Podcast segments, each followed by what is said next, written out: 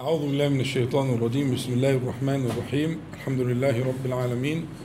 اللهم صل على محمد النبي وأزواجه أمهات المؤمنين وذريته وأهل بيته كما صليت على آل إبراهيم إنك حميد مجيد. أما بعد فهذا هو مجلسنا الرابع من مجالس آه، قراءة الوفادة إلى الله كأنك تراه وهي رحلة الحج والعمر. وفي مجلسنا الثالث انتهينا إلى الوقوف بعرفة. وقلنا إن الوقوف بعرفة فيه من البصائر ما فيه ومن ذلك البصيرة الأولى أنه موعد رفع الحجاب الأول الذي يحجبك عن الله تعالى. ولا بأس بإعادة هذا المعنى لأهميته ولحاجة القلب إليه. ما بينك وبين الله تعالى الذي يحجبك عن الله عز وجل حجب. كلما جاهدت نفسك في عمل من أعمال الإيمان والدين كلما رفع الله تعالى حجابا. وهكذا حتى يرفع الله عز وجل كل حجاب بينك وبينه وحينئذ تبلغ الغاية التي ذكر النبي عليه الصلاة والسلام في رتب الدين وهي غاية الإحسان العليا أن تعبد الله عز وجل كأنك تراه.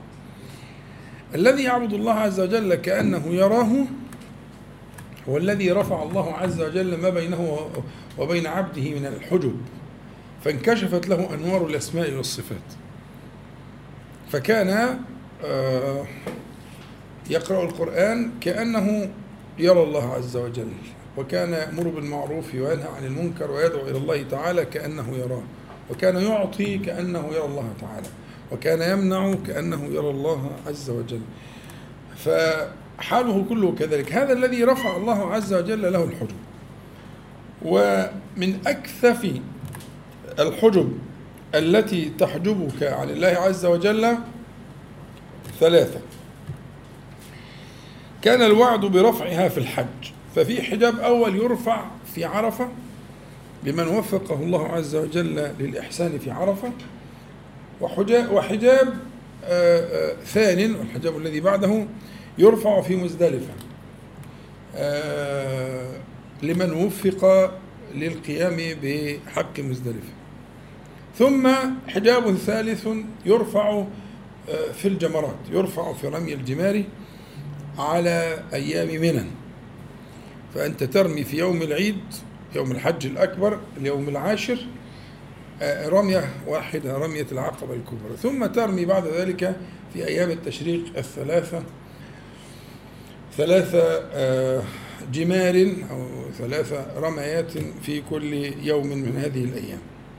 ففي هذه هذه ال ال ال ال الوظيفة هي رفع لحجاب ثالث أما الحجاب الأول الذي وعد الله عز وجل برفعه في عرفة فهو المنصوص عليه فهو حجاب رفع رفع حجاب الذنوب.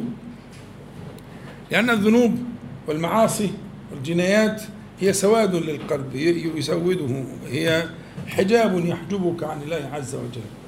وقد جاءت النصوص صريحة بذلك أن ما يكون من المعاصي والذنوب يصنع حاجزا حجابا بينك وبين الله تعالى. فإذا ما غفر الله عز وجل تلك الذنوب فإذا رفع الحجاب. يبقى هذا حجاب وعد الله عز وجل برفعه في الإيه؟ في عرفة وهو المغفرة. فإذا غفر سبحانه وتعالى رفع الحجاب. فارتفع حجاب أول في عرفة وهو حجاب الذنب الذي حال بينك وبين الله الوحشة التي تكون في القلب وفي النفس بعد وقوع المعصية والجناية. إن الله عز وجل يرفع ذلك بتكفيره وعفوه جل جلاله في يوم عرفة. ثم يأتي في المزدلفة ويأتي رفع الحجاب الثاني وهو أغلظ أغلظ من الحجاب الأول. أكثف أشد كثافة من الحجاب الأول وهو حجاب ما بينك وبين الخلق من المظالم. التبعات. لماذا؟ لأنه أكثف. لماذا؟ لماذا هو أكثف؟ لأن ما بينك وبين الله تعالى على باب العفو. لأن الله عز وجل عفو يحب العفو. لكن ما بينك وبين الخلق على الشح. مهما كان الخلق ممكن يكون ولدك. ممكن يكون زوجك ممكن يكون أبوك أمك. لا أحد يتبرع لأحد في هذا المقام. الكل آه، يفر. الكل يفر والكل يقول نفسي نفسي. حتى الأنبياء حتى الأنبياء والمرسلون يقولون نفسي نفسي.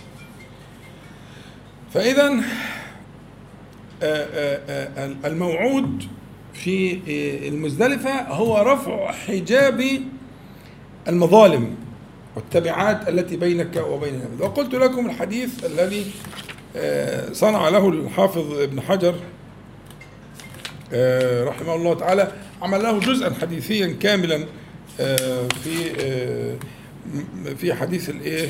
التبعات وهو حديث مهم جدا. هو مروي من عدد كبير من الصحابة أشهر الروايات رواية العباس بن مرداس رضي الله عنه أنه قال أن رسول الله صلى الله عليه وسلم دعا عشية عرفة لأمته بالمغفرة والرحمة فأكثر الدعاء عشية يعني إمتى؟ إيه العشية؟ الوقت عشية ده يبقى إمتى؟ ها؟ متى؟ ما هي العشية؟ حد يقول لي يا جماعة؟ العشية من وقت الزوال قول إيه؟ دعا عشية عرفة. لأن السنة أن النبي عليه الصلاة والسلام كان يجمع الظهر والعصر جمع تقديم في أول وقت الظهر ليتفرغ لذكر الله تعالى والدعاء من بعد ذلك إلى غروب الشمس. فيبقى عشية اليوم وعشيا وحين تظهر العشية المقصود بها من وقت الزوال إلى آخر اليوم إلى غروب الشمس. فالنبي عليه الصلاة والسلام كما يروي في الحديث دعا عشية عرفة لأمته صلى الله عليه وسلم بالمغفرة والرحمة فأكثر الدعاء وأطال الدعاء جدا وظل على هذا الحال على ناقته ليراه الناس هذا الزمان الطويل في الشمس من بعد صلاة الظهر والعصر قصرا وجمع تقديم إلى غروب الشمس. ساعات متصلة من الدعاء والإلحاح على الله تعالى يدعو لأمته صلى الله عليه وسلم. كما قلت لكم في القراءة السابقة إنه ربما سقط آه، خطام ناقته آه، فكان آه، يمد يده الشريفة ليأخذه بيد ويرفع الأخرى. يعني لا يقطع دعاءه حتى لو أراد أن يصنع شيئا. يعني مثلا أنا بدعي كده وبعدين عرقت فأنا أروح أخلي إيدي كده زي ما هي كده وأعمل كده. وأنت هتعمل كده برضه تبقى مثلا عرقان أو كده. يعني أن تكون شحيحا بأقل بالدقيقة وأقل من الدقيقة. أن تكون شحيحا. هذا كذا كان حال النبي عليه الصلاة والسلام. فهو آه، في الرواية رواية العباس وغيره أنه أكثر الدعاء فأجابه الله عز وجل أن قد فعلت. وغفرت لأمتك إلا من ظلم بعضهم بعضا. وفي بعض الروايات إلا من التبعات. والتبعات معناها زي ما شرحنا إيه؟ مظالم الخلق. إلا من ظلم بعضهم بعضا وفي بعض الروايات إلا التبعات. فقال يا رب إنك قادر على أن تغفر للظالم وتثيب المظلوم خيرا من مظلمته. يقول فلم يكن في العشية إلا ذا. يعني لم يتحصل النبي صلى الله عليه وسلم في العشية إلا بالعفو والمغفرة. لكن المظالم لم يحصلها في في عشية عرفة. بعد عشية غروب الشمس دفع النبي صلى الله عليه وسلم وكذلك يصنع الناس يدفعون إلى مزدلفة ويصلون المغرب والعشاء آه، آه، آه، جمع تقديم وهكذا فعل النبي عليه الصلاة والسلام. فلما كانت الغداة عاد يدعو لأمته عند المشعر الحرام. وقف صلى الله عليه وسلم يدعو عند المشعر هناك في المزدلفة يدعو لأمته. فما لبث النبي صلى الله عليه وسلم أن تبسم. فقال له بعض أصحابه الكرام رضي الله عنهم يا رسول الله بأبي أنت وأمي ضحكت في ساعة لم لم تكن تضحك فيها قط أو لم تكن تضحك فيها. فقال عليه الصلاة والسلام يعني سألوه فما أضحكك؟ أضحك الله سنك. فقال عليه الصلاة والسلام تبسمت من عدو الله إبليس. حين علم أن الله عز وجل قد استجاب لي في أمتي وغفر للظالمين. وفي رواية أيها الناس إن الله قد تطول عليكم في مقامكم فقبل من محسنكم ووهب مسيئكم لمحسنكم. والتبعات عوضها من عنده جل جلاله. أفيضوا على اسم الله. لما سمع ذلك أهوى يعني هذا اللعين عدوكم إبليس أهوى يدعو بالثبور والويل.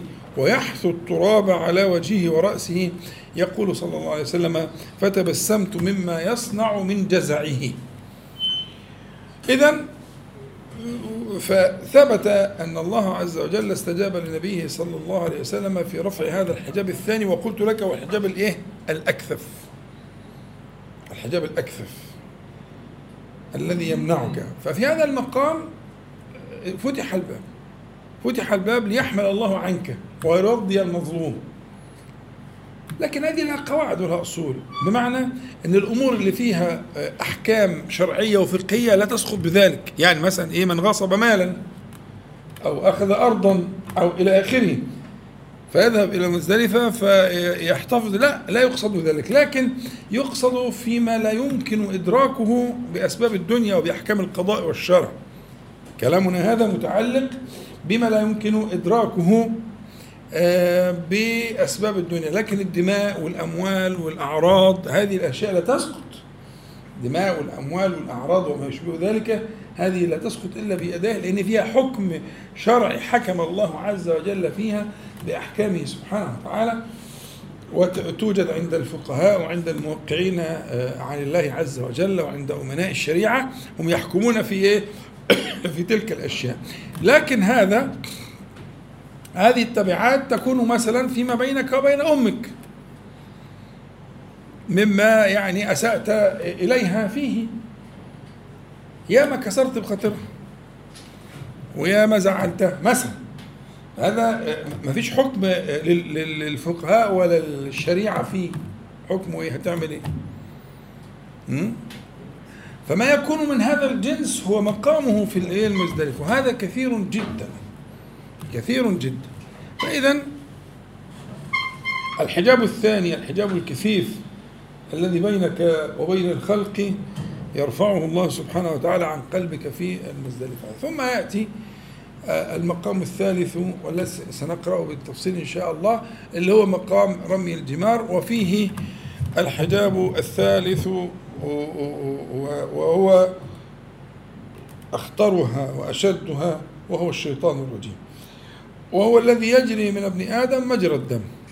وإن سنأتي إن شاء الله بالتفصيل لما يكون في آه، آه، رمي الجمار.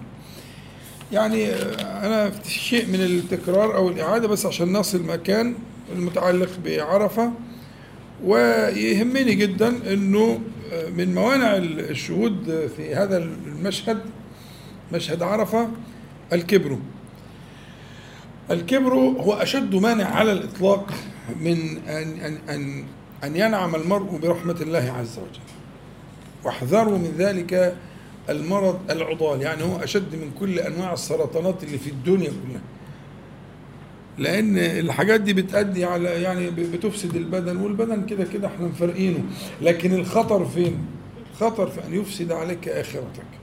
ومفيش أشد من الكبر مانع لأنه هو الداء الذي أهلك عدو الله إبليس. أبى واستكبر وكان من الكافرين.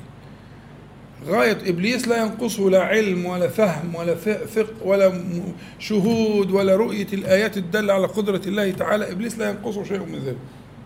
لكن إبليس كان عليه لعنة الله. نعوذ بالله من الشيطان الرجيم. كان متكبرا. بس. أأسجد لمن خلقت طينا؟ أرأيت هذا الذي كرمت علي؟ لئن أخرتني إلى يوم لا أحتنكن ذرية ولا أفعلن. قضية كبر. كبر. تمام؟ ولذلك ربنا سبحانه وتعالى يقول سأصرف عن آياتي الذين يتكبرون في الأرض بغير الحق. يعني الانتفاع بآياتي. سأصرف عن آياتي عن إيه؟ عن الانتفاع بآياتي الله تعالى يسوق الآيات للدلالة على وحدانيته. يسوق الآيات لتحقيق الإيمان في قلوبكم. ها؟ سأصرف عن آياتي الذين يتكبرون. تبقى الآية شوفها كل الخلق إلا المسكين ده ولا ينتفع به ففي هذا المشهد إحنا من أول الرحلة ترجع لأول الكلام أنت عمال تكسر في نفسك وتلبس مش عارف إيه وتنام إزاي وتعمل إيه. كل ده إعداد لتلك النفس لإزالة ما يحتمل أن يكون من كبرها وعلوها. فالآن في هذا المقام في عرفة لا يحرم في عرفة إلا المتكبرون. الحرمان على الحقيقة يعني. وبالتالي آه، آه، آه، شهود ذلك مهم جدا. هو تعريف الكبر كما قلناه كثيرا ولا يزيد كما عرفه النبي عليه الصلاة والسلام. لما قال سأله بعض الصحابة رضي الله عنهم لما قال لا يدخل الجنة من في قلبه مثقال ذرة من كبر فسأله بعض الأصحاب إن الرجل يحب أن يكون نعله حسنا وثوبه حسنا فقال ليس ذاك يعني ليس ذاك من الكبر. الكبر بطر الحق وغمط الناس. وقلنا بطر بمعنى رد بس رد مع استعلاء مش مجرد الرد رد باستعلاء. لأن ممكن واحد يرد الكلام مش مقتنع. يعني لكن أن يرد بتعال ها؟ فهذا هو المقصود به بطرا ورئاء الناس أو الرد باستعلاء واحتقار وازدراء. وغمط الناس يعني احتقار الناس وازدراؤهم بغلظة وبجفوة. يعني أن أن أن يحتقر ممكن يحتقر وهو يعني في نفسه يكتم ولا يظهر ذلك لا. غمط الناس معناه أنه يظهر ذلك وأنه يظهر احتقاره لهؤلاء الخلق وازدراءه لهم. فكما عرف النبي صلى الله عليه وسلم بطر الحق وغمط الناس. هذا هو الكبر الكبر المانع من رحمة الله تبارك وتعالى. وبالتالي يعني أن يعود المرء نفسه على أنه آه، يقبل الحق ويتواضع له وأنه يحسن للخلق. وقلنا أن الحج والعمرة آه، لا بد من اشتمالها على وهذا الكلام تقدم لا بد من اشتمالها على احتكاك ومعاملة بالناس. ولا بد أن يحصل ما يغيظك وما وبالتالي أنت مطالب أن تخفض جناحك لهؤلاء الناس آه، لأنك أنت المستفيد. يعني إذا إذا تواضعت لخلق الله فأنت لا تفيدهم ولكن أنك تفيد قلبك أن يكون إيه محلا لرحمة الله عز وجل التي لا آه، تقترب من القلب المتعالي المتكبر والعياذ بالله تعالى. اتكلمنا عن مسألة إعداد البدن وقلنا إنه مهم جدا في عرفة العناية بالمسألة دي. يعني لابد من النوم آه، والأكل والري وإلى آخره حتى يستطيع البدن. وأنت من الأول زي ما أنت شايف إن في عناية ويكفيك تعلم إنه نهى الشارع الحكيم عن صيام عرفة للحج لماذا نهى؟ ليقويه. يعني هو كما جمع له الصلاتين ها فإنما ذلك ليفرغه وكذلك نهاه عن الإيه عن الصيام. وانتقلنا إلى المزدلفة وقلت لك حديث المزدلفة حديث عظيم جدا وإن كان في بعض أهل العلم لكنه تكلم في سنده لكن الحافظ ابن حجر حسم المسألة وقطعها بهذا الجزء الحديثي وموجود في الكتاب لمن أراد أن يطلع عليه إن شاء الله تعالى. ثم تبدأ في التسلح في هذه المزدلفة بعد إذا أسفر الصبح جدا عشان تنطلق للإيه؟ لرمي العقبة الكبرى آه، تبدأ في التسلح لإيه؟ آه، للحجاب الثالث أنت بتجمع الجمرات فجمع الجمرات يجوز من كل مكان لكن المشهور أن يكون آه، جمع الجمرات من الإيه؟ من المزدلفة فهذا الموضع بتبتدي تتسلح لأخذ تلك الحصيات التي تجمعه ولكن لم يصح أن النبي صلى الله عليه وسلم آه، جمع حصيات آه، أو يعني أمر, أمر بجمع الحصيات أو خص مكانا لجمع الحصيات لنمي الجمار. فيمكن جمعها من منى نفسها لا بأس.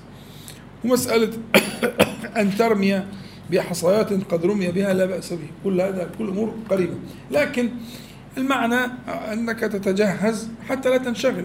بتعدهم وتاخد شوية احتياطي حسب انت هتكون تتعجل ولا يبقى ترمي ثلاث أيام. يبقى في اليوم بترمي 21 3 في 7 يبقى انت في الثلاث أيام. يوم العقبة الكبرى بتجمعه كله مثلا في علبة ولا في إزازة ولا حاجة معهم وتزود شوية عشان ممكن حاجة تقع حاجة تروح. حد يحتاج منك حد كبير حد ينيبك. في الرمي مثلا حد كبير ست كبيرة ولا حاجة فلا بأس وهذا من البر في الحج يعني. فيبقى بتاخد بالزيادة شوية وبتجمع حصياتك كأنك بتجمع آه، سهامك التي سترمي بها عدوك. يعني عايز الحال ده يكون حالك. يعني حال الجمع ده حال إعداد يعني حال تسلح. كأنك تعد تلك السهام لك ولغيرك.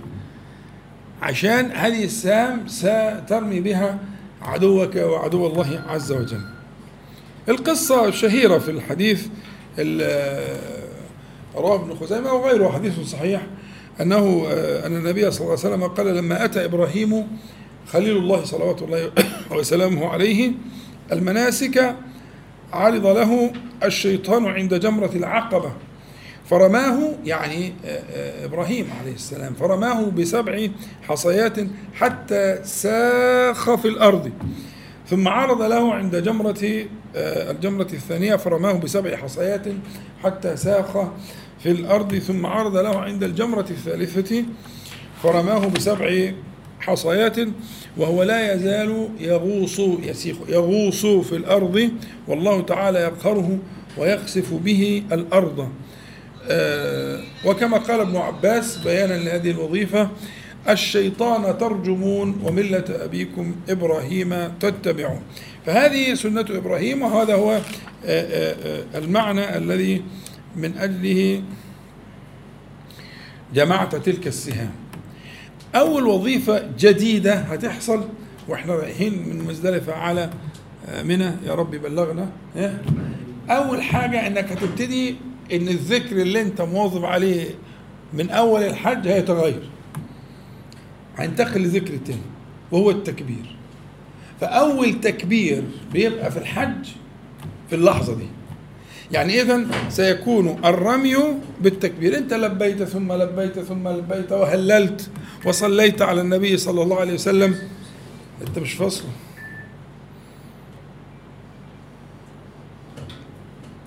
هتعمل وضع طيران بقى؟ تمام. صلوا على النبي عليه الصلاة والسلام. يعني أنت من أول الحج من أول آه، بداية الحج أنت تلبي وشرحنا التلبية بالتفصيل وارجعوا لها. يعني معاني عظيمة جدا وجليلة. يعني وكذلك التهليل وكذلك الصلاة على النبي صلى الله عليه وسلم والصيغ المختلفة المذكورة عندكم في التلبية كثيرة ونافعة إن شاء الله تعالى. ثم الآن ننتقل للتكبير. ولم يكن ثم تكبير قبل ذلك. التكبير هنا مع كل حصاة تكبره يعني ترميها بالتك الله أكبر وترمي الحصى معلنا أن الله سبحانه وتعالى أكبر من ضعفك وأكبر مما تخاف وأكبر من شيطانك وأكبر من هذا الذي من آخر الحجب بقى. وأغلظها و... و... وأشدها كثافة. هذا الحجاب الذي آه، آه، يحول بينك وبين الله سبحانه وتعالى. الله أكبر. أكبر منه. فالإعلان بالتكبير مع كل حصاة يقويك ويثبتك ويربط على قلبك أن الله عز وجل أكبر من غدراتك وفجراتك وجناياتك وذنوبك. أن الله سبحانه وتعالى أكبر من ضعفك أكبر مما تخاف أكبر مما ترجو أكبر من هذا اللعين الذي أوردك الموارد. إذا ففكرة التكبير مع الرمي لابد أن تشهد وتتكرر. يعني أنت لو هترمي ثلاث أيام بترمي في كل مرة 21 ورميت في أول مرة سبعة فأنت عدد المرات التي تشهد وأنت محبوس لذلك ليس هناك وظيفة أخرى يعني. تمام؟ فمع إن الأيام الأخرى مشحونة بالوظائف لكن هذا اليوم فيه آه، مسألة الإيه؟ مراغمة الشيطان التي كانت في حال إبراهيم وكما قال ابن عباس رضي الله عنهما الشيطان ترجمون وملة أبيكم إبراهيم تتبعون. عليه السلام. إذا فهذه هي التنبيه والوصل المباشر بين هذه الوظيفة وبين الحال. مع رمي الجمار والتكرار لأن كان ممكن يبقى رمي الجمار ده مرة بتاع العقبه الكبرى يوم العيد وخلصت المسألة. لكن هذا التكرار والإلحاح لأن هذا الحجاب أكثف ويحتاج للمجهود ده ويحتاج للحبسة دي ويحتاج إنك أنت تقف وترمي وتكرر وتكرر وتكرر. يبقى الحجاب الأول كان بالوقوف في عرفة هذه الساعات والحجاب الثاني كان بالتوسل إلى الله تعالى في ليلة مزدلفة. أما هذا الحجاب لم يكن في ساعة كما كان قبله. كما كما كان ما قبله من الحجب. هذا الحجاب يحتاج منك مجهود ساعات أيام. أنت محبوس على ذلك. مفيش وظيفة ثانية خالص ما بتعملش حاجة. لأن الأربع وظائف اللي اتعملوا يوم الحج الأكبر خلصوا. تمام؟ أنت الآن محبوس على ذلك. على فكرة إنك تكبر فعسى أن يرفع الله تعالى من من مما صنع الشيطان على قلبك شيئا فشيئا فشيئا على ما تنتهي يكون إن شاء الله تحقق الكشف لك. وانار قلبك بأسماء الله تعالى وصفاته. ولذلك في حديث مهم جدا للأسف مش مشهور. حديث في زواد البزار وهو حديث الحافظ ابن حجر صححه. يقول إذا رميت الجمار كان لك نورا يوم القيامة. كان لك نورا يوم القيامة اسم كان هو إيه؟ يعني كان رميك للجمار نورا لك يوم القيامة. وهذا يؤكد ما قلت لكم إن هذا الرمي رفع لحجب ليصل النور إلى قلبك. هذه حقيقة. ده كلام النبي عليه الصلاة والسلام. إذا رميت الجمار كان لك يعني كان رميك لك نورا يوم القيامة. فهو الرمي هو رفع رفع لما حصل من الايه من آه نكت السواد. كما قلت لكم في الحديث شرحناها مرارا. تعرض الفتن على القلوب كعرض الحصير عودا عودا فأي قلب أشربها نكتت فيه نكتة سوداء. وأي قلب أنكرها نكتت فيه نكتة بيضاء. حتى تصير القلوب على قلبين يعني في النهاية يعني. قلب أسود مرباد مرباد يعني شديد السواد. يعني إيه؟ كثرة النقاط اتصلت فصنعت سوادا. هذا هذا هو المقصود. وأن هذا الرمي وهذه ال ال وهذا السعي لرفع الحجب هو إنارة للصدر وللقلب ورفع لتلك الحجب عن قلب العبد المؤمن. فالحقيقة يعني لابد من التنبه إلى هذا المعنى. بعد بعد الرمي لرمي العقبة الكبرى بيأتي العمل الثاني من أعمال آه، يوم الحج الأكبر اللي هو يوم العيد يوم عشرة وهو ذبح الهدي. ومعنى الفداء واضح كالشمس لقوله تعالى وفديناه بذبح عظيم. وهكذا يصنع المؤمنون آه، فيهدون آه، إلى الله سبحانه وتعالى. ذلك ليأكل منه المستحقون والفقراء وليعلنوا أنهم آه، آه، آه، يتقربون إلى الله سبحانه وتعالى يذكرون قوله عز وجل لن ينال الله لحومها ولا دماؤها ولكن يناله التقوى منكم يعني الذي حملكم على ما تصنعون هو أنكم تتقون ربكم سبحانه وتعالى.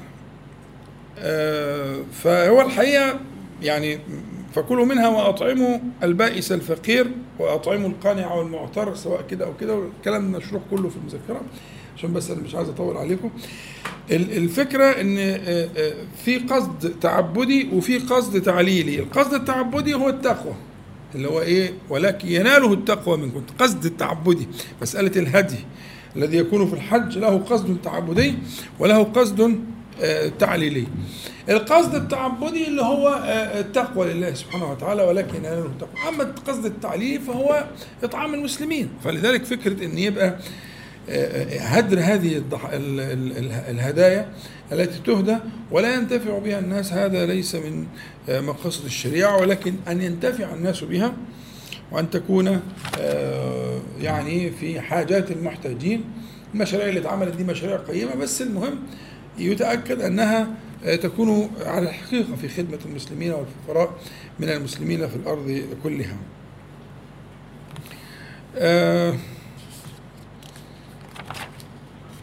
بعد كده العملين الباقيين من أعمال يوم الحج الحلق أو التقصير. وطبعا الحلق مقدم لدعوة النبي صلى الله عليه وسلم اللهم اغفر للمحلقين قال والمقصرين قال اللهم اغفر للمحلقين ثلاث مرات ثم قال في الأخيرة وللمقصرين. فالحلق أو التقصير إذا كان في سبب للتقصير ويأتي العمل الرابع وهو الطواف والسعي طواف الإفاضة وسعي الحج في منى. وإحنا شرحنا الحلق ومشاهده مهمة جدا ترجع لها. في منتهى الأهمية معنى الولادة الجديدة ومعنى العبد الذي دخل في العبودية معاني القيمة دي معاني بديعة جدا. وشرحنا مسألة الإيه الطواف والسعي وما فيهما من الأذكار. يبقى أنت عندك أربع أعمال تموا في هذا اليوم المبارك في يوم الحج الأكبر في يوم العيد. انتهينا من تلك الأعمال وذهبت إلى منى لتبيت في منى و تفرح بنعمة الله سبحانه وتعالى. وأيام منى أيام أكل وشرب وذكر الله تبارك وتعالى. فتذهب إلى هناك وتحرص على ذكر الله سبحانه وتعالى كما كان يفعل النبي صلى الله عليه وسلم. وأن تشهد تلك البقعة المباركة مسجد الخيف. مسجد الخيف ده مسجد مهم جدا والناس بتزهد في الذهاب إليه مع أنه هذا المسجد صح عن ابن عباس رضي الله عنهما. أنه بسند يرفعه للنبي عليه الصلاة والسلام وحسنه الحافظ المنذري أنه صلى فيه سبعون نبيا من أنبياء الله تعالى. بقعة مباركة. ما من نبي من أنبياء الله تعالى إلا وحج وسبعون. دي ممكن تكون العدد يعني أكبر من السبعين. إنما يراد به الكثرة أن كل الأنبياء لما حجوا صلوا في تلك البقعة. فلا تحرم نفسك أن تصلي في تلك البقعة وأن تكون في ذكر الله تعالى في تلك الأيام مع الرمي. بمعنى الرمي الذي قلناه. يبقى بقى حاجة عايزة بس توسعوا صدركم معايا شوية لأنها يعني مش مألوفة عند عند عموم المسلمين. هو صح أن النبي صلى الله عليه وسلم كان إذا رمى العقبة الأولى في أيام الرمي كما قال النووي في الإيضاح وغيره. صح أنه صلى الله عليه وسلم كان يمكث يدعو قدر سورة البقرة. فإذا رمى الثانية تنحى ووقف يدعو قدر سورة البقرة. فإذا رمى الثالثة انصرف عليه الصلاة والسلام. ما أنا قلت لكم وسعوا صدركم عشان كده. طيب. سورة البقرة بتقري في قد إيه؟ يعني يعني هنجيب متوسط. دلوقتي سورة البقرة هنقول بالحدر. بلاش نقول بالتدوير ولا بالترتيل ولا بالتحقيق. خلينا نقول بالحدر اللي هو أسرع حاجة بس للمتقن يعني الذي يقرأها بأحكامها وبضبطها فاللي هيقرأها بالحدر. أنا عملت إحصاء زمان أنا عندكم كده لحرصي على المسألة وعملت محاولات. وبالساعة الميقاتيه وكده فهي بتتراوح ما بين ساعة الا ربع وساعة وربع حسب طريقة اللي يقرأ وقدرته ونفسه وطول نفسه وكده. ما يعني ده إحصاء يعني واسع جدا في في الإحصاء. فكانت النتيجة أنه أقصى أسرع الناس أسرع المتقنين أسرع المتقنين يقرأ في حوالي ساعة إلا ربع. حاجة و40 دقيقة كده. وأضبط المتقنين كذلك يقرأ حوالي ساعة وربع. هي من ساعة إلا ربع ساعة وربع. وأنت ممكن تيجي على في الباحث كده وتكتب سورة البقرة بالحدر. هتلاقي مثلا في شيخ اسمه ياسر سلامة بيقراها مثلا في قد كده. هتلاقي في دكتور مش عارف اسمه مش فاكر اسمه. ماهر علوان آه آه بتلاقيه مثلا بيقرأ في قد كده. فتلاقي متوسطها هم بيدوروا في الفلك ده يعني. فإحنا خلاص هنقول سورة البقرة بتاخد من ساعة الا ربع لساعه وربع. يبقى المتوسط قد إيه؟ ساعة. 100 100 هندسة 100 100 حلو قوي يعني معناها يرمي الجمره ثم يتنحى جانبا صلى الله عليه وسلم ها؟ ويتوجه جهة الكعبة ويدعو ساعة. فأنا عايز أسألك إحنا كنا قلنا في الدواوين وكاتبين الكلام ده هل أعددت لهذا المقام؟ عدته إنك هتقف ساعة 60 دقيقة تدعو. مين ده؟ لا لا لا لا. علاقتك بالناس إيه؟ طبعا أنت هتاخد جنب. أنت بعيد عن سكة الناس خالص.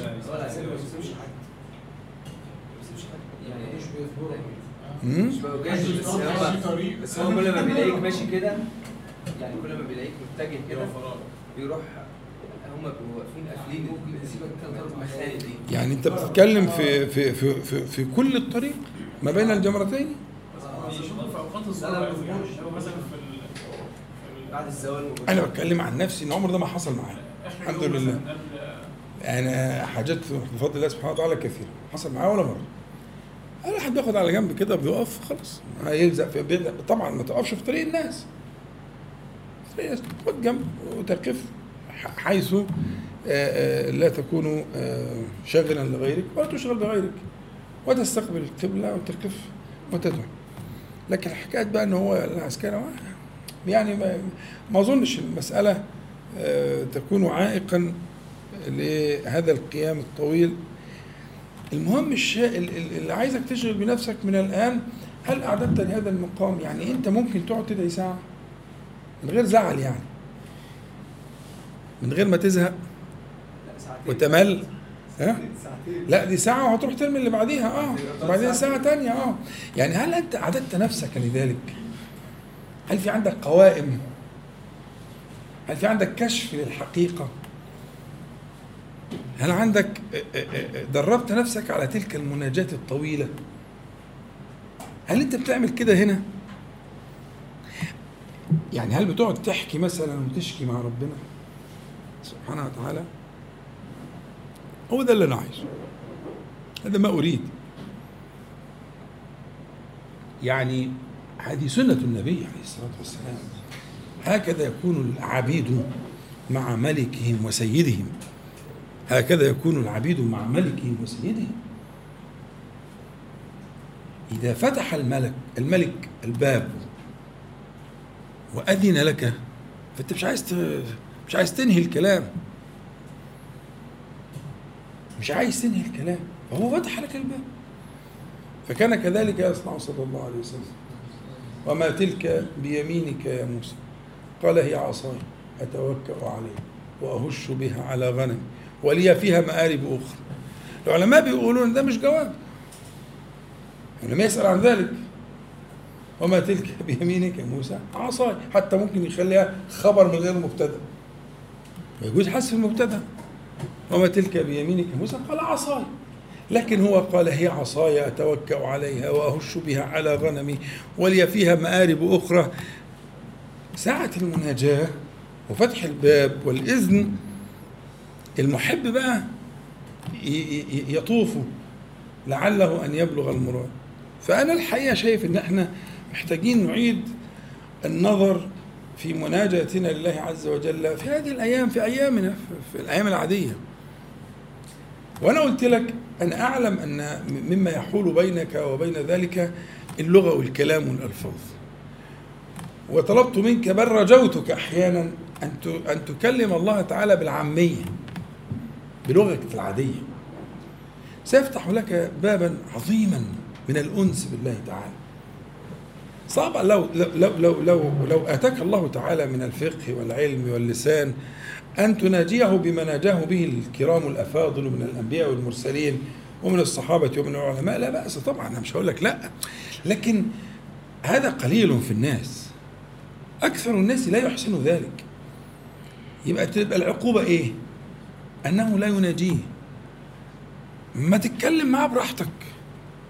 هو أقرب إليك. وقلت لك طيب الهندي بيكلموا إزاي؟ والتركي بيكلموا إزاي؟ و... و... و... والأثيوبي بيكلموا إزاي؟ بيكلموا بإيه؟ طيب بيقول له إيه؟ ها؟ بيحكوا له إزاي؟ وإحنا برضو كده يعني إحنا ضاربين على هندي شوية يعني ما صارت صار في بيننا وبين لغة القرآن والسنة في فجوة. طب إيه ما تتكلم يا أخي بتحكي ما تقول له. الواد غلبني أنا مش عارف أعمل إيه. أنا ماليش غيرك يا ربي. كلام يعني ماليش غيرك يا ربي يعني جميلة بديعة. لأنك أنت مش هتعرف تقول له إن لم يكن بك غضب علي فأبالي ولكن عافيتك هي أوسع لي. أعوذ بنور وجهك. مش عارف تقول الكلام ده. مش حافظه. يبقى الحل إيه؟ ما تقولش خالص. لا الحل تقول تتكلم بحالك. تتكلم بحالك وحتى لو غلطت. حتى لو نصبت ورفعت وخبطت مفيش أي مشكلة خالص المهم إن قلبك يكون حاضر. ومما سيعينك على ذلك أصل إحنا بنتكلم في ساعة يا إخوانا متوسط ساعة ولو هنقراها طبعا الشيخ المنشاوي قراها في أربع ساعات ونص. آه والله؟ ما أنت هتكتب كده سورة البقرة هيطلع لك كل المشايخ فالمنشاوي قراها في أربع ساعات ونص. فأنا مش هقول لك يعني مش هقول لك قف وخوف المنشاوي مثلا.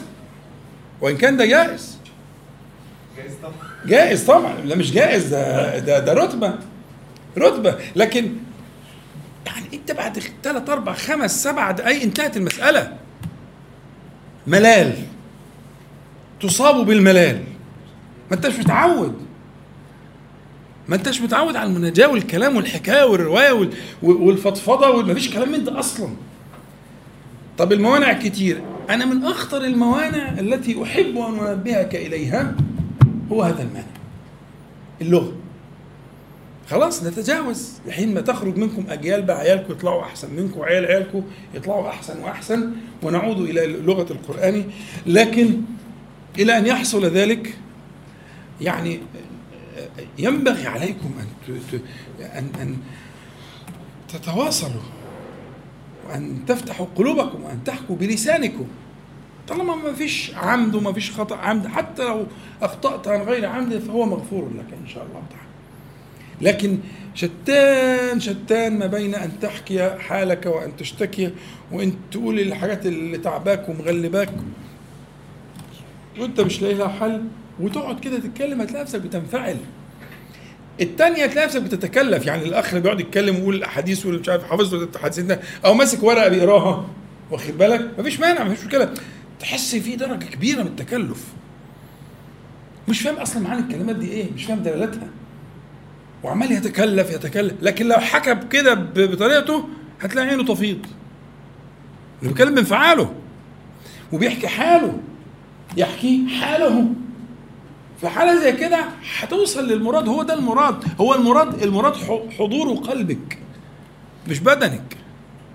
المراد هنا. ولذلك في ناس بتبقى سابقة الحجيج هناك. وقاعدين في بيوتهم كده قاعدين في المساجد ها وسابقينهم في عرفه لأن قلوبهم موصولة بالله تعالى. فهي الحال حال القلب. الحال ده عشان توصل له إزاي؟ من العوائق الخطيرة جدا التي انبهك إليها مسألة إنك أنت لا انت حافظ ولا عارف ولا حتى مسكت ورقة مش هتعرف مش هتنفعل بيها. فدرب نفسك. من الآن أن يكون لك مقام من مقامات النجوى والحكاية حكاية الحال والشكوى إليه سبحانه وتعالى. هتقعد تلاقي نفسك لسانك مربوط ومعقود عشان لا أنت عارف ترفع ولا تنصب ولا تقول عرب ولا مش هيحصل. خلاص نعمل إيه؟ خلاص نعتبر نفسنا أعاجم أو أغلبنا يعني. أنتوا زعلانين؟ أنتوا أعاجم. مفيش مشكلة. فيا أيها الأعاجم صلوا قلوبكم بالله تعالى. باللغة اللي هي بتاعتكم دي اللي ملهاش أي علاقة بلغة القرآن. بس دي حياتكم. فالوصل مع الله سبحانه وتعالى. عشان زي ما بقول لك أنا يعني قعدت أحسبها يمين وشمال. دعاء طويل مرتين. يعني على الأقل. في في في في, في كل رمي أنت بتقف لك ساعتين ساعتين ونص ده الحد الأدنى. ولو انت بتجود شوية إحنا بنتكلم في ثلاث ساعات أربع ساعات. لو بتجود شوية على قعدتين يعني يعني ساعة ونص وساعة ونص ساعتين ربع ساعتين إلا ربع. ها؟ مين بيعمل كده؟ شيء نادر في الحجيج وهي دي السنة. بس لازم يكون قد أعددت لذلك عدتك أن تعد لذلك عدتك عشان تقدر إن شاء الله لما تكون هناك تبقى جاهز. ومما يعينك كما قلت لك. فجرب من دلوقتي وابتدي احكي. وتعالى مثلا إيه، إيه، يعني استشير مثلا. والله أنا بقول كده ينفع. طب بحكي كده ينفع. لكن أعدك إن شاء الله تعالى يقينا على على على رحمة الله تعالى أن قلبك سيحضر وأن عينك ستفيض. وكل اللي بتشتكي منه من الشكاوى المشهورة والمعروفة سيزول إذا كسرت هذا الحاجز آه، آه، آه، اذا نرجع. حبسك في منن هو لوظيفتين. وظيفة الرمي وما فيها من التكبير والدعاء. ادي أنت شفت. الوظيفة الثانية الدعاء. يبقى عندك وظيفتين. يبقى أنا محبوس ثلاث أيام في منى ما بعملش حاجة خالص غير رمي ها ودعاء. ذكر ودعاء أيام اكل وشرب وذكر الله تعالى. فأنت الوظيفة دي وظيفة أصيلة. الدعاء الطويل جدا. جدا الذي يجاوز الساعة هذا أمر ينبغي الإعداد له بعد ذلك بتنتهي من الأعمال الحج وبعدين بتذهب إلى مكة المكرمة بعد انقضاء الأيام الثلاث أيام منى وإن كنت متعجلا يبقى يومين وتذهب إلى منى لتطوف طواف الإيه؟ الوداع. أنا قلت لكم قبل كده بعض إخوانكم يعني إنه أنا يشرفني جدا إن أنا بكون مع إخواني في كل أعمال الحج والعمرة من أول ال ال ال الإعداد والتجهيز والتلبية والإحرام وكل حاجة لغاية آخر عمل إلا الوداع. أنا لا أستطيع أن أطوف الوداع في جمع وفي ناس وكده ما بقدرش. الوداع له مذاق مختلف تماما عن كل أعمال الحج. وأفضل يعني أنصحك أن تصنعه منفردا لأنه أصله طواف بس. والطواف ممكن ياخدش وقت. بس في في في في النهاية من الأهمية. إذا فهمت معنى الوداع سترى أنك ينبغي أن تكون جامعا لهمك وقلبك في الوداع. طيب. معنى الوداع المادة اللي هي مادة مادة الواو والدال والعين في لغة العرب تدور على معنى آه، بقاء الشيء ساكنا محفوظا في مقر. زي إيه؟ الوديعة والودع والحاجات دي كلها فكرتها المادة كلها بتدور على المعنى. أن أن يكون الشيء آه، آه، ساكنا مستقرا محفوظا في مقره. تمام؟ المادة تدور على كده. فدي مادة اللي هي الواو والدالة. طب ودعه يعني إيه؟ جعله كذلك. يبقى إذا ودع الشيء يعني معناها أنه آآ آه، آآ آه، آه، تركه قارا مستقرا آمنا في مقره. ده معنى الإيه؟ التوديع. فلما الواحد بيودع البيت الحرام هو ماشي زي بيودع أهله مثلا. هو ماشي كده يودعهم بيقول لهم أستودعكم الله الذي لا تضيع ودائعه يعني أنتم وديعة عند الله سبحانه وتعالى ها؟ فكذلك هو إذا ودع البيت الحرام وهو آه، هيغادر يعني يقصد إيه؟ اولا يقصد معنيين. يعني زي ما قلنا معنى القرار بس القرار والاستقرار والحفظ إذا كان عند الله سبحانه وتعالى يبقى معه نماء. صلوا على النبي عليه الصلاة والسلام. القرار في أي مكان لا يعني النماء لكن القرار عند الله سبحانه وتعالى يعني إن إن إن استودعت الله عز وجل شيئا فإنه إيه؟ إذا إذا استودع سبحانه وتعالى ينميه ويربيه كما يقول في الصدقه كما يربي أحدكم فلوه أو فصيله. يعني المهر الصغير أو الناقة الصغيرة يربيها وتكبر وتكبر مع الأيام. فإذا قبل الله عز وجل منك شيئا واستودعته إياه فإنه عز وجل إيه؟ ينميه ويربيه يزيد. يبقى مع الحفظ في النماء. مع الحفظ في النماء. فأنت إذا استودعت الحرم الشريف فأنت تجعله وديعة, في حفظ الله تعالى أن يحفظه وأن يكون آه، كما أراد سبحانه وتعالى آه، مثابة للناس وأمنا. وهذه المثابة والأمن هو أمر ما بين قدري وشرعي. فأنت تسأل الله تعالى أن يحفظه.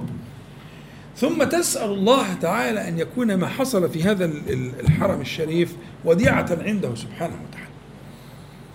ينميها ويربيها ويبارك سبحانه وتعالى فيها.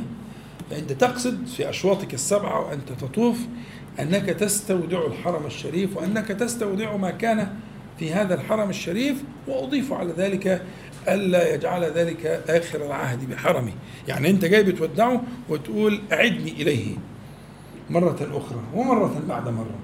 يبقى إذا طواف الوداع طواف فيه من الوجد وحضور القلب ما ينبغي أن تعد نفسك له. ويكون آخر عهدك بالحرم الشريف. يعني لو هتقعد يومين ثلاثة هتشتري حاجة هتجهز نفسك لسفر هتروح وكالة سفر هتروح تحجز مش عارف إيه. كل الحاجات دي تكون قبل الإيه؟ قبل الوداع. ويكون آخر يبقى ده مقام في في مكة. وأنا اتكلمت قبل كده على المقام في مكة وشوف آدابه وأحكامه تكلمنا فيها والمشاهد فيه. لكن فليكن طوافك للوداع هو آخر ما يكون في الإيه؟ في مكة المكرمة تنطلق بعدها. ممكن تنام ممكن تاكل لا بأس لكن لا تشتري ولا تبيع ولا تصنع شيئا من ذلك إنما تنتظر قليلا حتى تنطلق. ويكون آخر عهدك ببلد الله الحرام أن يكون آخر عهدك ببيته سبحانه وتعالى. وبهذا الطواف المبارك وتعيش الحالة دي وتحافظ على نفسك.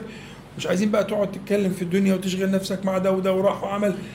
حافظ على ما أنعم الله عليك من هذه المشاهد القيمة آه، آه، البديعة الجميلة.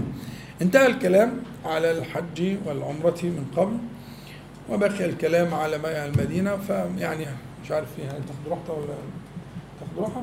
طيب خلاص يبقى في راحة قصيرة جدا عشان الوقت متأخر وإن شاء الله إذا كان حد عنده سؤال يكتبه وأنا إن شاء الله ممكن أعمل الحصة الجاية. أفتح باب الأسئلة بكل ما يتعلق بالحج والعمرة. وبغيرهما لمن شاء يعني. إن شاء الله نفتح باب الأسئلة لكن هتبقى يعني راحة قصيرة ونعود إن شاء الله إلى ما بقي في المدينة. نسأل الله تعالى أن ينفعنا جميعا بما قلنا وما سمعنا وأن يجعله حجة لنا لا علينا رب العالمين. اللهم صل على محمد وأنزل مقام القرب منك يوم القيامة. والحمد لله رب العالمين. هو الهنود اللي بيقعدوا يدعوا ويعيطوا دول السبب إن هم فعلا بيدعوا بلغتهم مش باللي هو يعني؟ آه طبعا. يا عم أنا قلت لك اعتبر نفسك هندي هتستريح. هي بس الايه الأنف اللي عندكم ان أنتوا فاكرين نفسكم عرب فده يحول بينكم وبين المقصود. بس مش لا إيه ده ما هو اللي انت ما تزعلش مني ما انت بتتكلمه ده قريب من الهندي يعني قريب يعني يعني, يعني بالظبط كده يعني اللي أنتوا بتتكلموا ده قريب من الهندي ملوش علاقة أصلا بلغة القرآن ولا بالشعر العربي ولا الكلام ده. فاحنا يعني قريب من الهندي. فانت لو تواضعت شوية وقلت إن أنت ما أنتش فصيح وما أنتش عربي اتحلت العقده وعينك هتدمع واتحداك اتحداك إنك أنت لو قعدت 10 دقائق ربع ساعة تكلم ربنا لازم تنفعك لازم. يقينا. مفيش مفيش احتمالات. بس أنت ما بتعملش كده.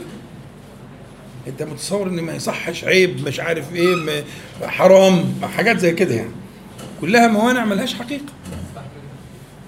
لكن لو عودت نفسك إنك أنت قبل ما تنام بتقعد صليت ركعتين ولا حاجة وقعدت كده ربعت وقعدت تتكلم تحكي. واللي حصل واللي جرى طب وأعمل إيه؟ طب حاجات زي كده. هتلاقي نفسك انفعالك طبيعي بقى الطبيعي بيحصل. آه طبيعي بيحصل. لا ممكن عينك تدمع ممكن. تلهم بقى كلام كويس من عند ربنا. هنعمل إيه؟ ما لازم يكون في حل. لكن إصرار إصرار إنك أنت بتعرف إيه المشايخ بيقولوا إيه؟ ما المشايخ حافظين الكلام ده أنت مش حافظه طب هي انت هتعمل إيه؟ هو ممكن يقعد يرطن يرطن بلغته نص ساعة ساعة. يعني التسجيل اللي هو بتاع الشيخ شعراوي الله يرحمه في الحج اللي بيجيبوه كل سنة في الإذاعة ده أكتر من ساعة. يعني. يوم عرفه أكتر من ساعة ساعة ساعة ونص. ولم يتوقف ما كانش بياخد نفسه. شعراوي شيء منطقي. هو بي- هو بيعبر عن حالي عن قلبي مباشرة. لغته تسعفه لسانه يسعفه. ما فيش مشكلة عنده. لكن انت اخرك هم جملتين ثلاثة انت حافظهم وبتروح راجع لهم تاني راجع لهم تالت وبعدين تبتدي تمل. وممكن حتى الجملتين ثلاثة انت مش واصل لحقائق المعاني اللي فيهم كمان. أنا طبعا مش بقول عليك انت يعني؟ أنا بتكلم عموما عشان ما تفهمش. ما تفهمش إن أنت مستهدف يعني أنت لست مستهدفا يعني. لكن هي عموما الشباب كلهم كده. طب الحل إيه؟ اسمعوا كلام.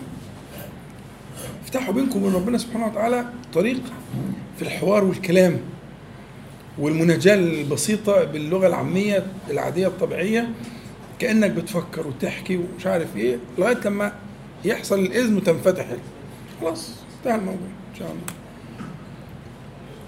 أعوذ بالله من الشيطان الرجيم. بسم الله الرحمن الرحيم. الحمد لله رب العالمين. اللهم صل على محمد وانزل المقعد المقرر منك يوم القيامة. أما بعد فيعني بقي يعني عن انتهاء الوقت دقائق قليلة. والكلام عن المدينة المنورة يحتاج لأوقات مديدة وطويلة. لكن يعني نختم بأن التذكير ببعض النقاط المهمة. أهمها لا تنسى أن المدينة حرم. كما أن مكة حرم فالمدينة حرم. فيتعامل مع المدينة المنورة بنفس المعايير التي قلناها في معنى الحرم. ارجع إليه. وهو حرم كحرم المدينة كحرم مكة سواء بسواء. فحرم الله تعالى المدينة كرامة للنبي عليه الصلاة والسلام. خلاص؟ فمكة محرمة فكذلك ف- فدخولك المدينة هو دخول الحرم. ال- ال- المشاهد الجليلة اللي فيها طبعا أعظمها مسجد النبي عليه الصلاة والسلام والصلاة فيه بألف صلاة. فهي صلاة بألف صلاة. فالحرص على الصلاة في المسجد من النوافل ومن الفرائض وألا تضيع منك تكبيرة الإحرام إلى آخره. يعني يكون في همة عالية لأنه حرم والصلاة فيه بألف آه، صلاة. وأن تحرص ألا تدخل المسجد حتى تسلم على النبي عليه الصلاة والسلام. مسألة هيقول لك المشايخ بيقولوا السلام مرة واحدة عند القدوم ومرة عند السفر أو المغادرة. هذا الكلام لأهل البلد. لكن الآفاقيون أمثالنا الذين يأتون من بعيد لا يتصور يدخل المسجد ويخرج ولا يسلم على النبي عليه الصلاة والسلام. هذا غير متصور. فالسلام بآدابه واعلم أنه صلى الله عليه وسلم حي في قبره حياة برزخية كما صح في مسلم وفي غيره. حياة تليق به عليه الصلاة والسلام وبالأنبياء. هو يصلي في في قبره وأنه يسمع إليك وقد بلغ بلغ سلامك. آه، ملك ملك جعله الله عز وجل ليبلغ النبي صلى الله عليه وسلم سلام المؤمنين وصلاة المؤمنين عليه صلى الله عليه وسلم. ويذكره آه، ويذكرك باسمك واسم أبيك فأنت مذكور عنده صلى الله عليه وسلم. فاستحضر هذه المعاني حينما تقف عند القبر الشريف وتسلم على النبي عليه الصلاة والسلام وتسلم على الصاحبين الكريمين رضي الله عنهما. وأن تستثمر آه، آه، أعظم ما يرجى من ذكر الطلب. أعظم ما يرجى من ذكر الطلب هو الصلاة على النبي عليه الصلاة والسلام. كما شرحنا ارجعوا للمحاضرات الخاصة بأقسام الذكر وأنواعه فلا يرجى آه، طلب ولا دعاء كالرجاء في الصلاة على النبي عليه الصلاة والسلام كما وعد أبي إذا تكفى همك ويغفر لك ذنبك. فكفاية الهم يعني فيما يأتي من قبل الزمان وغفران الذنب يعني فيما مضى فلا أنت مشغول بما كان ولا أنت مشغول بما سيكون وذلك بالصلاة عليه صلى الله عليه وسلم. يبقى في ورد تلزم نفسك بورد من الصلاة عليه صلى الله عليه وسلم بالصيغ المختلفة الصيغ, الصيغ الطويلة لها حظ والصيغ المتوسطة لها حظ والصيغ القصيرة لها حظ. فاجعل ذلك في الدواوين اللي إحنا اتكلمنا عليها. يبقى أنت رايح تعد المدينة يبقى أنت هتجيب في اليوم عشرة ألاف مرة صلاة على النبي عليه الصلاة والسلام. تقسمها بالشكل الفلاني. ففي في الرايحة والجاية أنت الآن في م- م- مدينته صلى الله عليه وسلم. أنت الآن في مسجده. أنت الآن أمام قبره الشريف صلى الله عليه وسلم. فاستحضار هذه الأشياء والحرص على الصلاة على النبي عليه الصلاة والسلام طلبا للوعد المذكور أن يصلي الله عليك عشرا. بال- بالمرة يصلي الله تعالى عليك عشرا. وكما وعد النبي صلى الله عليه وسلم إذا تكفى همك ويغفر لك ذنبك يعني كأهل الجنة. لا خوف عليهم ولا هم يحزنون. تكفى همك دي آه، آه، آه، لا خوف عليه ويغفر الله تعالى ذنبك ولا هم يحزنون. لا حزن على اللي فات ولا خوف من اللي جاي. ببركة الصلاة على النبي عليه الصلاة والسلام. أنت في المدينة لازم يكون في ورد واستشعار أن النبي صلى الله عليه وسلم قائم في قبره يصلي صلاة تليق بالبرزخ كسائر الأنبياء كموسى كجميع الأنبياء والمرسلون. حرم الله أجسادهم على الأرض. وإنهم في في في في قبور في قبورهم يصلون وأن الله جعل ملكا يبلغ الصلاة والسلام عليه صلى الله عليه وسلم من أمته. آه، المدينة الحديث فيها لا ينتهي لكن الوقت انتهى فبالتالي آه، آه، يعني انتفع بوجودك في المدينة. وهو في الحقيقة يعني ما يشبه الاتفاق بين الناس أنك في المدينة آه، يعني تستشعر شيئا لا تجده في أي بقعة من أرض الله. ده شيء شيء ما يشبه الاتفاق عليه يعني. أنك في المدينة تجد شيئا لا تجده في غيرها من بقاع الأرض جميعا. من البركة يكفيها وجود النبي عليه الصلاة والسلام. ويكفيك أن النبي صلى الله عليه وسلم رغم محبته لمكة لم يعد إليها ولكنه اختار المدينة وقبض الله تعالى في المدينة وشرف به هذه الأرض. هذا الثرى وهذا التراب وتلك الأرض شرف بها النبي صلى الله عليه وسلم فأكرم بها من بقعة ويحن القلب إليها وتشعر بشعور لا تجده في مكة على ما في مكة من الجلال. لكن تجد في المدينة يعني في أحد المشايخ الكبار ربنا يطول في عمره ويحفظه وهو من أحب الناس إلى قلبي كان يقول لي كلمة بلدي كده بمناسبة الكلام البلدي يعني كلمة لطيفة جدا. يقول لي الواحد لما بيخش المدينة بيحس داخل ضربه. داخل ضربه يعني إيه؟ الحالة حالة من الاسترخاء والراحة وان هو يعني هذا هو بيته يعني. هذه ال- ال- حالة الأنس والاسترخاء وال- والطمأنينة والسكينة. حياة المدينة قطعا كده. فلا تحرم نفسك واشغل نفسك بأهم الوظائف طبعا قطعا. هي الصلاة على النبي عليه الصلاة والسلام. وتسلم في الداخل وانت داخل وانت خارج. مفيش حاجة اسمها فرض تعديه لا. ما زحمة مش زحمة هو انت وانت وظروفك. لكن لابد في دخولك من الأدب والإجلال ها؟ ألا تدخل المسجد ولا تخرج ألا أن تمر عليه لأنك آفاقي ما أنتش من أهل المدينة لو أنت مقيم في المدينة لا مش هقول لك كده. يعني لو أنت مقيم في المدينة من أهلها أو حتى بتعمل أو كده هقول لك ماشي. يعني اسمع كلام المشايخ اللي بيقولوا إيه؟ مرة ومرة كده. لكن أنت أنت قاعد 10 أيام قاعد أسبوع قاعد أكثر أقل لا تحرم نفسك من هذا الشرف وأن يرد عليك النبي صلى الله عليه وسلم وأن يبلغه الملك السلام منك وتستمتع وتنتفع بهذه الأيام التي تقضيها. التنبيه أن كثرة المشاهد والأشياء اللي هي اللي بيجي مثلا مطوف ولا حد ولا مش عارف إيه وفر مش عارف إيه مسجد إيه ولفة كده بيعملوا حاجات غريبة. كان كل كل الكلام ده لا أصل له. ولا تشغل نفسك به ابدا إياك. حتى لو في بعض الصحة. يعني أنا لا أنصحك وإنت رايح تعمل نسك إنك إنت تروح مثلا آه، آه، عند أحد عشان قبر حمزة أو كده. الحاجات دي يعني تنفع في في في, إذا كان في متسع من الوقت. لكن اشغل نفسك وقلبك. كده هيطير منك مثلا إيه فرضين مثلا. هو على بعض الروايات يوم اهو خسارة. خساره لكن لو عايز تروح روح قباء. لأن كان يذهب النبي صلى الله عليه وسلم ماشيا وراكبا كل سبت إلى قباء. وكان يصلي فيه. بس تروح إيه في وقت ما فيش فيه فريضة. ما تضيعليش فريضة في الإيه؟ من الحرم. لا. أنت قاعد 10 أيام ب 50 فريضة. اصحى.